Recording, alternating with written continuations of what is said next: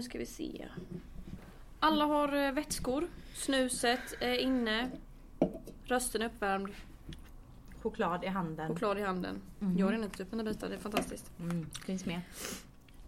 Yes, men då, då kör vi.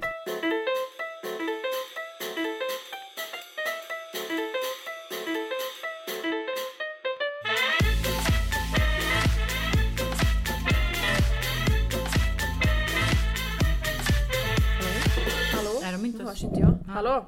Så. Nu? Hallå? Hallå? Ja. Hur många gånger hade ni gjort det här? Alltså vi har ju haft en, eh, en ljudkille. Ja. Ja, vi har haft den. Nu har vi inte den längre. Nu ska vi se. Folk bara, ni har bra ljud. Vi bara, inte nu längre. Okej. Halli hallå vänner och välkomna till ett nytt avsnitt av The fucking generation. Dagens datum är den 15 mars och vi sitter här eh, i, på handelskontoret i Jönköping och äter choklad. Ehm, och med vi då så menar jag ju mig själv, Alexandra. Eh, och så är det jag, Kristina. Och så är det Sandra Våran gäst i dagens avsnitt. Vad heter du efternamn? Danielsson. Vad är dina initialer? Eh. Lägg av. Välkommen Sandra Tack. Danielsson. Hur känns det att vara här? Det känns bra tills du drog SD-kortet. Det var inte alls Är meningen. du trött på att höra det? Hört det en och annan gång sedan valet 14. Senast igår hörde jag det. Mm. Har Jaså. du funderat på att byta efternamn? Ja, fast jag hittade inte rätt människa att gifta mig med. Oh. Eller ville jag gifta mig? Eller hur Men alltså, det du nu? behöver inte gifta dig för att byta namn. Nej. Men vadå kan man bara hitta på ett namn då? Det är klart du får byta som du vill. Får man verkligen det? Ja. Utan att vara släkt med någon? Kan man byta till ett adelsnamn då? Alltså, men vissa namn måste du väl ha? Typ ja men du, du skickar in ansökning på efternamnet. Mm. Såg ni den, eh, den... eh, Oh my god, vad var det? Det var ju någon som hade skickat in en ansökan. De hade förfalskat en ansökan från Jimmy Åkesson att han skulle döpa om sig till Jimmy Bajskorv. Nej, inte sett det? Nej.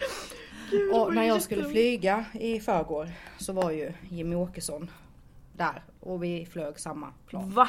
Ja, och Rickard Jomshoff. Men gud! Ja, Fy fan, det måste varit den värsta flygresan någonsin eller? ja, fast jag satt långt fram och de satt bak. Eh, Det måste ändå kännas konstigt Men att jag- sitta på samma flygplan liksom. Ja.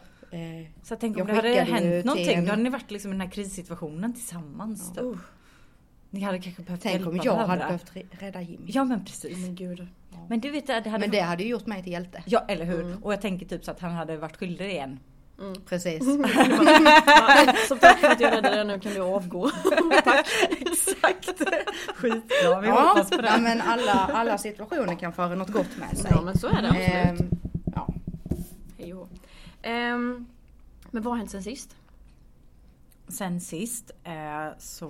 För jag tänker vi, sist, sista avsnittet vi släppte var ju med Danne, Mm, Mattsson. exakt. din chef Sandra. Mm.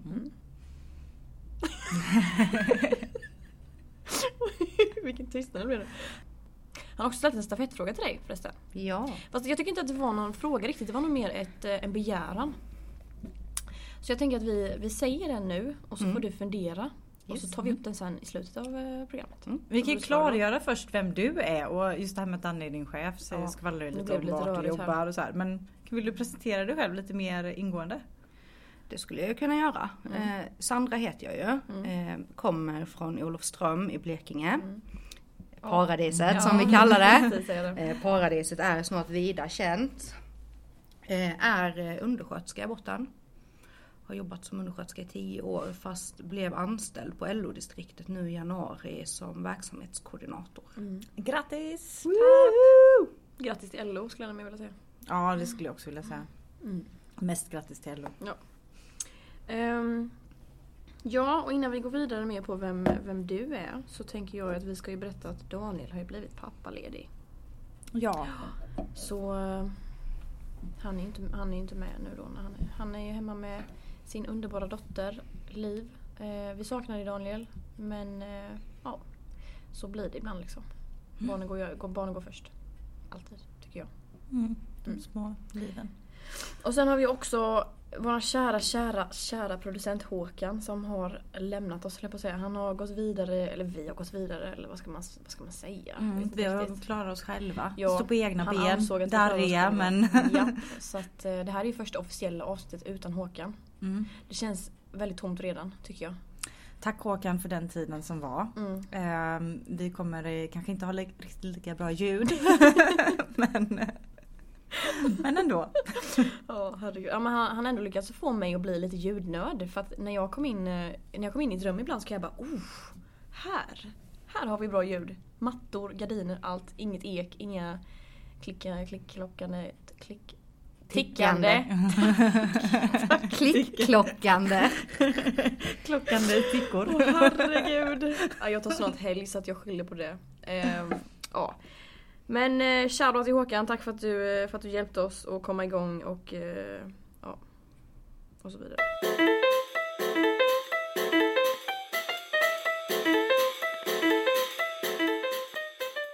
Eh, Sandra, Ja, jag är så glad att du är med i podden för vet du hur mycket jag älskar din röst? Alltså du har ju världens bästa jävla dialekt. På riktigt. Jag har sagt det innan och jag kommer säga det tills dagen jag eh, inte kan prata längre. Alltså på riktigt. Första gången jag verkligen fick höra din röst det var ju på eh, om feminismutbildningen som Ja. du höll. Och jag var ju helt, jag blev betuttad. Jag visste inte att man kunde bli kär i en dialekt men jag har blivit det.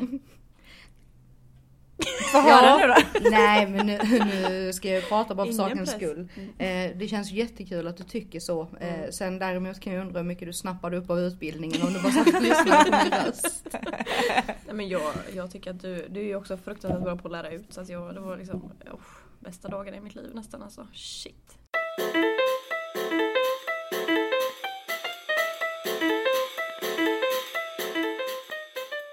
Ditt fackliga uppvaknande, Mm. när kom det? Mitt fackliga uppvaknande kom när jag Egentligen är det en lång historia. Morsan hon sa till mig att gå med i facket redan när jag var 17. Oj. Eh, när jag sommarjobbade Ja, på ett eh, slakteri. Va? Ja. Mm, Va? Bra Har du jobbat på sommarjobb. slakteri? ja, på ett kycklingslakteri. Ky- Eh, Kycklingar ändå, ja. de små. Jag tänkte med stora, stora såna djur liksom. Ja, med massa nej. blod och grejer. Eh, jag tror inte att vi ska prata i en podd om hur, hur det är på ett kycklingslakteri. Men det är ett jobb det också och ack så viktigt. Eh, för att det är många av oss som faktiskt äter kyckling. Flera gånger i veckan. Eh, men jag gick inte med i facket när jag var 17 och jag gjorde det heller inte när jag började arbeta. Utan jag gick bara med i a-kassan. För varför skulle jag vara med i facket? Det kan jag ju bli när jag har en fast anställning. Eh, Så är det många som tänker. Klassiker. Ja. Mm. Eh, och sen blev jag fastanställd i januari 2010 i Olofströms kommun. Och i mars så ringde facket bara Tja, vi bjuder på våfflor idag, vill du skriva in dig? Ja men kanon, jag har faktiskt tänkt göra det så jag kommer sen. Så att, Och här jag är sugen på våfflor. På våffeldagen typ, så skrev jag in mig. Eh, Mm. Sen hände det inte mycket så förrän hösten 2011. Jag jobbade som personlig assistent och Mm. eh, då blev vi kallade, alltså facket och arbetsgivaren hade kommit överens om att facket fick en halvdag och snacka med eh, just personliga assistenter. Mm. Eh, och då var eh, Kommunals eh, ordförande där som var avdelning i sektionen, alltså den lokala fackliga organisationen var där och snackade om vad ett skyddsombud gör och dess uppdrag. Eh, och jag föddes ju lite på tvären som jag brukar säga eftersom min stackars mamma fick föda mig i sätesbjudning. Eh, så jag har ju varit tvär sedan barnsben. Men jag har alltid haft väldigt mycket åsikter om allt möjligt och ifrågasatt mycket. Ehm, och när hon då där står och pratar om vad ett skyddsombud gör kände jag bara att det här är min grej. Mm. Så jag gick min eh, skyddsombudsutbildning i april 2012. Mm. Så du började som skyddsombud alltså? Mm, Skyddsombuds. det gjorde jag. Gör att jag inte ska prata. Och sen efter ett och ett halvt år så började jag eh, faktiskt vara på sektionen och hjälpa medlemmar. Eh, Så jag hade ju inte min ingång så här i ungverksamheten Mm. på facket utan började med vuxenverksamhet på en gång. Mm. Och blev sen aktiv i ungfrågorna i februari 2014 Mhm. och blev LO-aktiv ungefär samtidigt. Eh, Och inte heller på det vanliga sättet utan via Badoo. Va? Dating, ja. Men gud! Så, Eh, Och Ja. hur gick det till? Eh, hur det gick till. Det var en jätterar eh, herre som, eller inte herre för han var inte gammal, men en kille så. eh, Som ja, vi började skriva och så, så här, men det vanliga, vad gör du och så. Så kom det fram att bägge då var fackligt aktiva. Och han bara, alltså vi skulle behöva lite folk till vår lokala ungdomskommitté för LO, är du intresserad? Och jag bara, ja det här kan jag ju inte säga nej till. Nej. Så eh, jag blev ju så här innominerad och grejad och allt gick som det skulle. Och ja, så blev jag LO-aktiv. Nämen. Okej så Fan, vi, alltså, vi måste ju då tacka eh, först eh, våfflor och sen Badoo. Ja. För att Sandra eh, gick den vägen hon gick. Mm. Så sjukt otippade grejer verkligen. Det här. vad hände med, här, inte herre, vad, vad kallar jag honom? Snubben?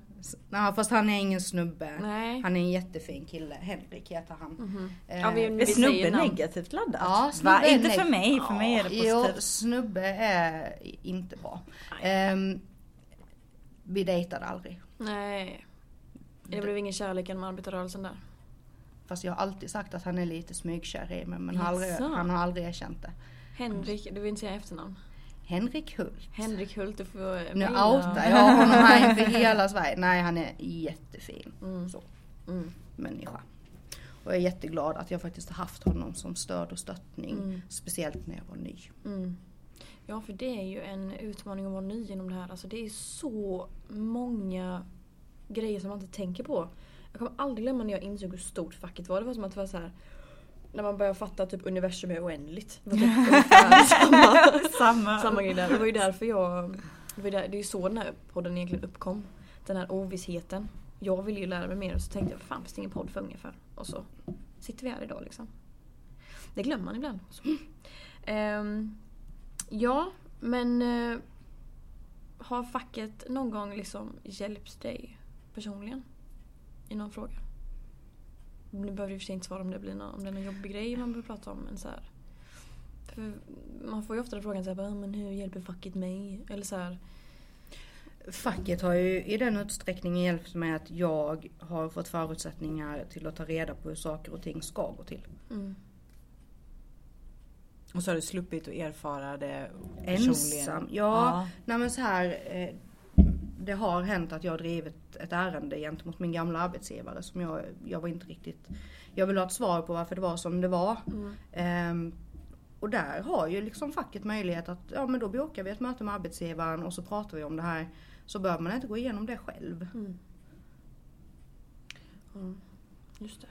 Men så du har inte själv fått hjälp men du har hjälpt andra kan man ju säga då. Ja fast jag har ju fått hjälp alltså när det har varit något också. Jag har ju alltid kunnat vända mig till facket och Ja. speciellt i min, Mm. eftersom jag har varit fackligt aktiv näst, alltså större delen av mitt arbetsliv.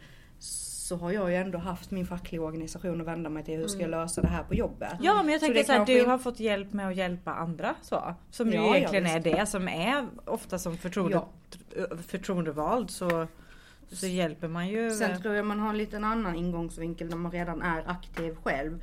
För då, ja men nu hjälps vi åt. Jag vet att jag har så många jag kan fråga och man behöver inte göra det själv. Mm.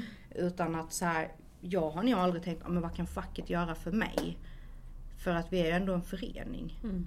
Alltså jag tycker inte att facket är någon servicebutik som är öppet 24 timmar om dygnet. Mm. Och att någon annan ska lösa det åt mig. Mm. Eh, Så. Det är som en stor, ett stort organ.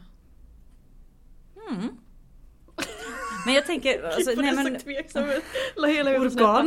Nej men alltså Ja, egentligen, det, det är helt vanligt folk som hjälper varandra till att skapa schyssta villkor i arbetslivet. Mm. Och de frågorna som vi faktiskt har drivit igenom i många, många år. Mm. Och håller ordning och reda på det. Men det tänker jag, det är som, alltså när man är inne i smeten så känns det ju ganska självklart liksom. Och det är det vi, vi vet liksom, det är det vi har gjort och kommer ifrån och liksom det är det vi är. Mm. Ehm, vi är starka tillsammans Mm. och vi, vi hjälper varandra. Mm. Ehm, men jag tänker att många andra kanske ser facket som eh, någonting man ringer när det krisar. Mm. Liksom. Mm. Ehm, och det är så här, alla kan inte vara engagerade. Nej. Alla är inte, är inte sådana personer som eh, liksom hela tiden vill lägga sig i. Mm. Men jag tänker, eh, i alla fall vi tre som sitter här. Mm. Man kan inte riktigt låta bli. Man kanske önskar ibland att man bara kunde inte bara jag hålla käften den här Ja. gången. Ja. Känner du igen dig i det? Eh, det händer väl ett par gånger i veckan i alla fall. Så. Eh, knäpptyst är inte min starkaste gren om man säger så. Nej, det kan jag också relatera till kopiöst. Ehm, vi har ju tänkt prata lite om psykisk ohälsa idag. Mm. Men först och främst så vill jag hemskt gärna veta, eh, för du skriver ju för ståndpunkt. Ja. Vad är ståndpunkt och vad skriver du om och vad, varför finns det? Eller så här. Ståndpunkt är en eh, digital plattform som LO-distriktet har gjort Mm. med ett antal debattörer. Eh, där debattörerna skriver utifrån sin verklighet och sin vardag. Mm. Eh, och sen har vi alla olika ingångsvinklar. Jag landar ofta i så här ideologiska frågor, eh, jämlikhet. Eh, vad gör jag mer? Nej, men alltså, de, de sakerna jag brinner för lite extra. Eh, det är det som blir min naturliga ingångsvinkel till att skriva om något. Alltså mycket känslor. Eh, Eh, det behöver inte alltid vara faktabaserat eller sanning eller försöka trycka någon på näsan för att jag ska ha rätt. Utan sånt som rör sig i mitt huvud. Eh, och saker som jag ifrågasätter att ska det verkligen vara så här? Mm. Men hur kommer det sig att du, att du liksom fick, eh, fick börja skriva? Var det så här att Danne, han vaknade upp en dag och bara Grabbar! Ring, ring Sandra, hon ska in här. I, ring! Eller hur? Nej, det var Blev du rekryterad? Vad var... Det var så här att det var i december och då höll jag en LO Ung-kurs Mm. eh, som heter om främlingsfientlighet. Så blev jag uppringd av en annan ombudsman på distriktet som heter Mats. Och han frågade om jag ville börja skriva för ståndpunkt. Mm. Mats Grip. Ja. Honom ska vi referera till ett senare avsnitt. Ja. vi återkommer till honom. Ehm, Men ehm, så jag vet inte, de måste väl ha pratat om mig någonting där uppe på kontoret helt enkelt. Detta var ju innan jag började jobba. Mm. Eh, Så. Mhm. Mm. Intressant. Sen för att vi följer väl varandra, eller väl, vi följer varandra på sociala medier och jag har ju varit aktiv där också. Eh, både i mitt fackliga engagemang men också som människa och kvinna och arbetare och undersköterska. Och jag använder sociala medier väldigt mycket till att få ut budskap. Eh, så att jag skrev, eller att jag skrev var ju ingen nyhet för dem på distriktet. Så tänker jag att det skulle kunna vara. Ja, eh, innan vi började spela in här så satt ju vi och mumsade i oss lite pizza, pasta och nudlar. Allt det vi behöver här i livet.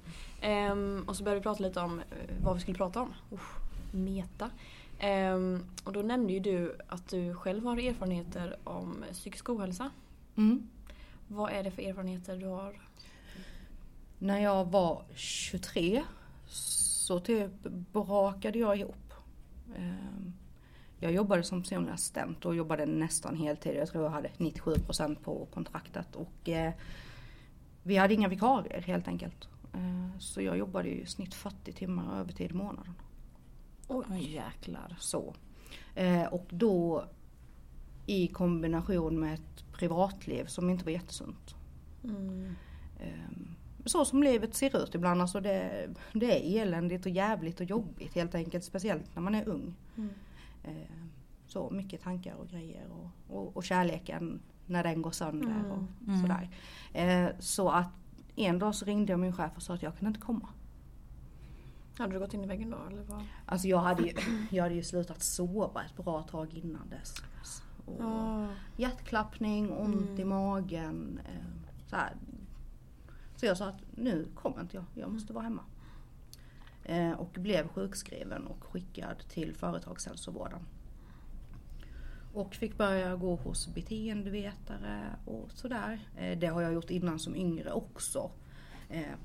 Och eh, fick ju då i mitt sjukintyg att jag inte fick gå tillbaka till min arbetsplats. Oj. Aldrig någonsin? Mm. Oj. För man hör ju mycket om alltså, kommunal, att det är mycket delade turer och att det är alltså, rätt stressigt. Mm. Så. Är det ett stort problem inom, nu vill jag säga ditt fackförbund men det är det inte längre, men är det ett stort problem inom kommunal att, det är liksom, att den psykiska ohälsan och stressen och utbrändheten ökar? Eller det kanske inte du vet? Jo, med tanke på att eh, i, i synnerhet de kvinnodominerade förbunden, Mm. inte bara kommunala utan också hotell, restaurang och handels. Mm. Där jobbar människor på deltider.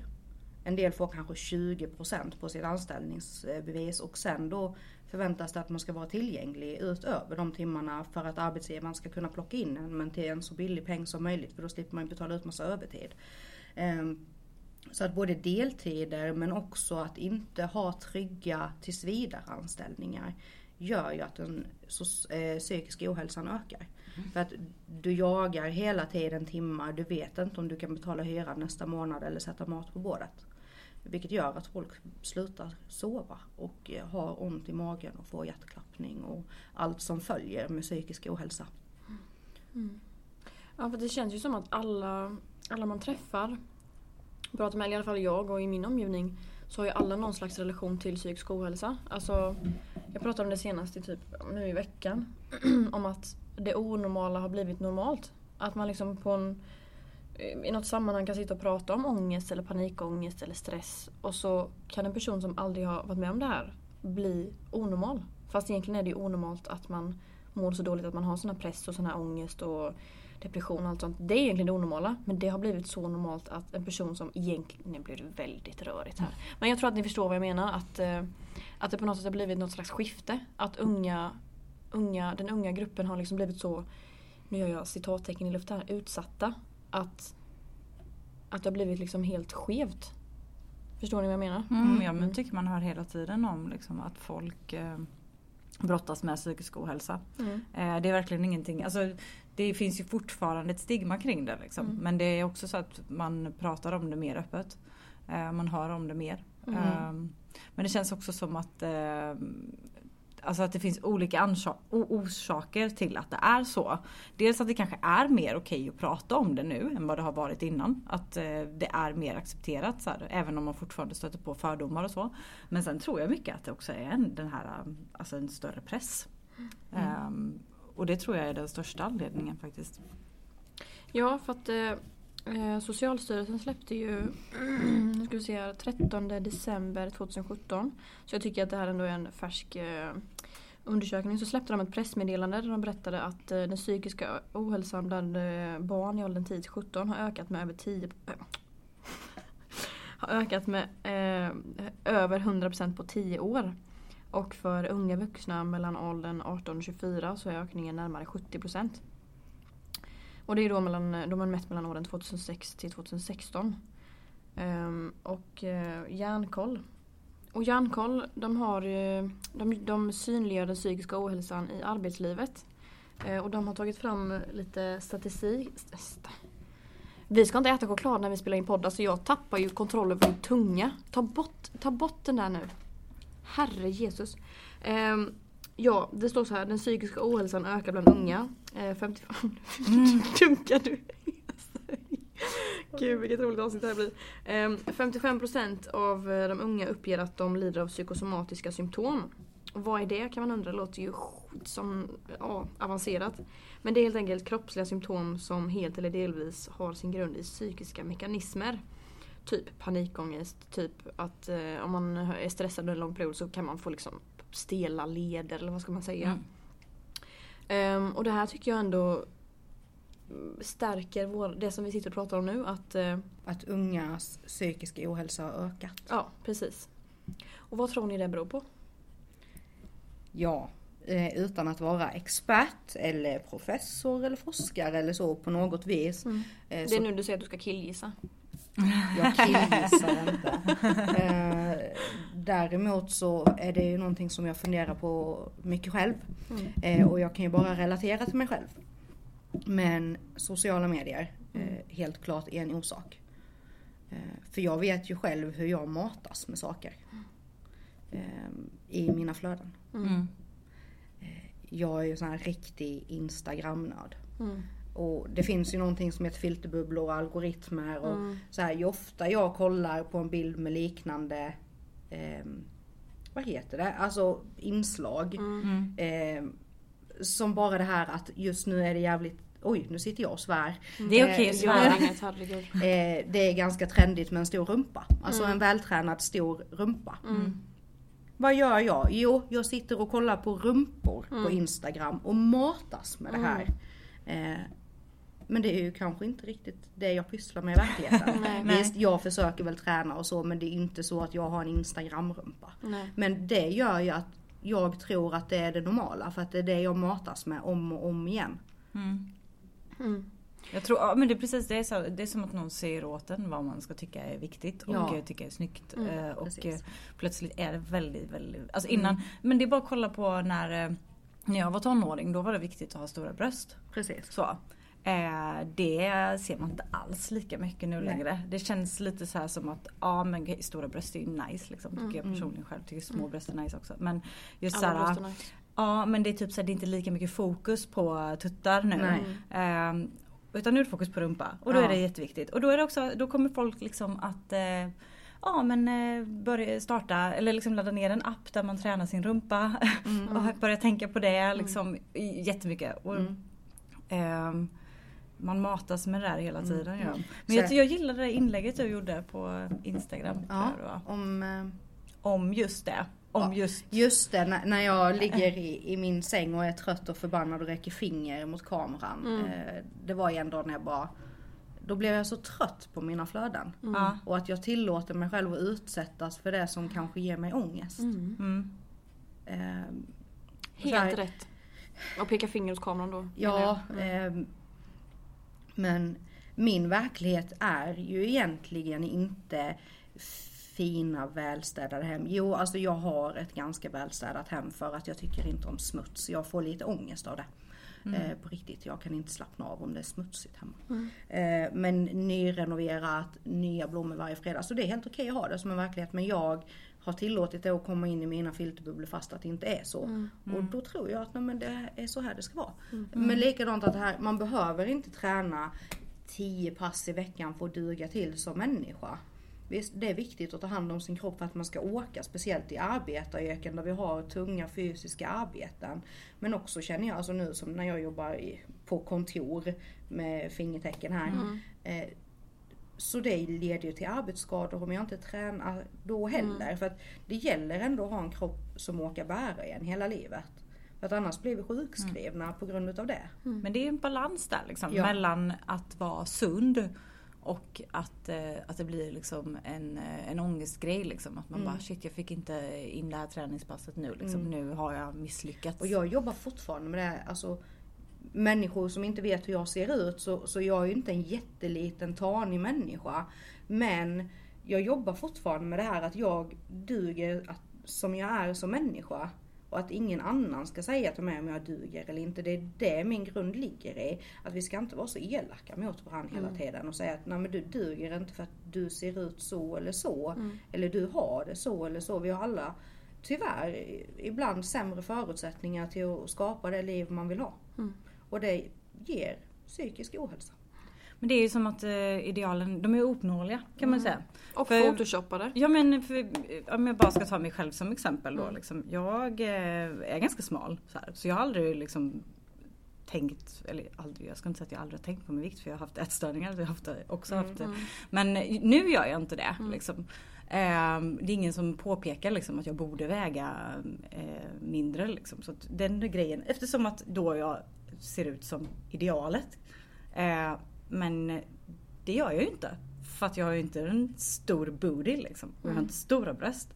Så jag har inte liksom några kurvor och då är jag Mm. plötsligt också fel. Mm. Och grejen är att då kanske andra säger så här, men klaga inte liksom. Eller så här. Men Har du någonsin fått att frågan, alla... äter du som du ska? ehm, Äter du verkligen tillräckligt? Alltså jag, det, är, det konstiga är Mm. att jag ligger typ eh, så här, inte jättemånga kilo från att vara underviktig Mm. men det är faktiskt inte så många som oroar sig för min vikt. Mm. Konstigt nog. Eller vågar inte säga det till mig, jag vet inte. Ehm, så. Men däremot så vet jag folk som definitivt inte är överviktiga som får kommentarer om sin vikt. Mm. Vilket är helt sinnessjukt. Nej, men så här, vi lever ju verkligen i ett prestationssamhälle också. Mm. Eh, vi blir inte bedömda för att vi är fina och bra människor som bryr oss om andra. Utan för vad vi gör och inte gör. Eh. Ja, alltså jag tänker också på det nu, nu pratar vi så mycket om Instagram, men jag la också upp en, grej på min Instagram. Eh, det är ju en kampanj som tjejerna i Icona Pop tillsammans med en designer som jag totalt glömt bort namnet på nu. De kör en grej som heter Misslyckad. Eh, Och den handlar om, för att det släpptes ju någon sån här undersökning om att eh, fler och fler unga känner sig just misslyckade på grund av alltså, sociala medier. Och att man då ska försöka bryta den här, den här trenden. Och jag tror att det är otroligt viktigt att vi, alltså vi måste verkligen börja prata mer om det här för att um, Mats Grip som vi pratade lite om innan eller vi pratade, vi, vi nämnde hans namn innan. Mm. um, han skrev också för Ståndpunkt. Mm. Um, och han skrev uh, en, ett debattinlägg då om psykisk ohälsa. Uh, där han bland annat sa att, uh, att ja, det kostar 70 miljarder kronor per år. Alltså sam för samhället. Den psykiska ohälsan. Och det är ju helt orimligt. Så vi måste ju på något sätt bryta det här. Men frågan är bara hur? Vad tror ni? Det är en jättekomplex fråga. Mm. Men om jag ser till mig själv som individ så är det viktigare att jag lägger min fokus och energi på att tycka om mig själv. Än att tänka på det jag inte tycker om mm. hos mig mm. själv.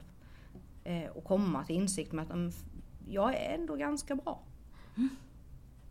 Jag tänker om man har ett, lite så här, ett fackligt perspektiv. Liksom. Mm. Eh, så om, för att man brukar prata ibland om, eh, om liksom när man krisar eller så. Mm. Att om man krisar på eh, på mer liksom, alltså man kan krisa på ett plan. Du kan ha jobbigt på jobbet men om du har det stabilt hemma liksom mm. och sådär och med familj så kan du ändå eh, ta dig igenom krisen. Mm. Liksom. Men så fort du börjar så här, fallera på typ två av tre områden mm. så att om du liksom krisar med familj och med jobb samtidigt, ja men då fallerar allt istället. Liksom. Och då, då kanske det inte är lika lätt att ta sig igenom det. Mm. Eh, och då tänker jag så här, om vi åtminstone då kan eh, få, alltså, få det bra på jobbet, att vi eh, kan jobba i en bra arbetsmiljö utan eh, mobbning och diskriminering, att vi kan jobba utan stress så kan man också lättare ta sig an de här grejerna som man har privat då. Om det nu är dålig självkänsla mm. eller eh, ett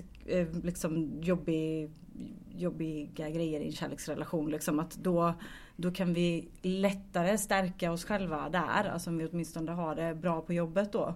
Um, alltså jag tänker så här, det, jag önskar, det finns hur mycket som helst man kan göra. Men jag tänker så här, det men som fackförening så kan vi ju alltid, eller vi, vi kan mm. alltid, men vi ska alltid ända tills det är uppfyllt driva frågan om rätt till heltid och trygga anställningar. Mm. För har du tryggt anställningsförhållande som, där du vet att ja, men nästa månad får jag lön också. Mm. Så kommer ju det bära upp. Och du ska inte vara beroende av en annan människa Alltså att leva på en annan människa eller med en annan människa och inte exempelvis kunna lämna ett förhållande för att du inte har råd. Du ska kunna leva på din egen lön. Det är det jättemånga som stannar i förhållanden av eh, ekonomiska Precis, och, och, det bidrar ju till psykisk ohälsa mm. så snabbt. Mm. Yep. Det finns många negativa spiraler helt enkelt. Ja. Vi måste börja bryta dem någonstans. Um, ja, den här stafettförfrågan tänker jag säga nu för att det var ju faktiskt ingen fråga. Som din chef sa. Ska jag säga vad det var nu? Ja. um, jag började ju prata lite om det nu i början av avsnittet men eh, nu, nu säger vi den. Ja. Um, beskriv ditt drömsamhälle i två meningar. Det var ju snällt av min chef att lägga en sån boll. Uh, jag vill ju så väldigt, väldigt mycket. Mm. Men ett klasslöst samhälle mm. där alla människor har samma ekonomiska, sociala och politiska rättigheter. Det ger ju en ganska bra grund till mm. ett bra samhälle. Men också den här gamla godingen, fred på jorden. Mm. Yay. Väldigt bra svar. Ja. På en väldigt svår fråga. för, för, för, frågan menar jag. um, ja, vi har ju tänkt att vi ska börja köra lite det här med stafettfrågor. Så om du nu skulle vilja ställa en stafettfråga till nästa gäst som vi inte riktigt vet vem det är heller. Så det blir lite sådär hokus pokus, spännande, hypotetisk eh, framtida gäst. Vad skulle du vilja ställa för fråga då? Om du verkligen, verkligen inte kommer på någonting så kan det ju vara en fråga som vilken frukt skulle du vilja äta resten av livet? Om du bara fick äta mm. Det måste ju inte vara någonting fackligt eller samhällsbaserat eller vad man nu säger.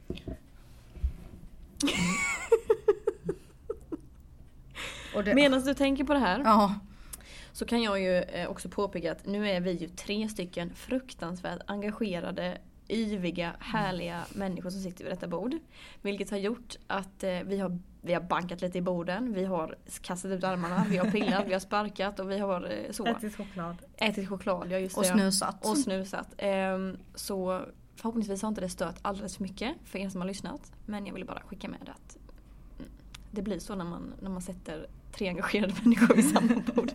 Antingen blir någon ofrivilligt slagen Och eller inga så. ljudnördar som är med och eh, hindrar oss.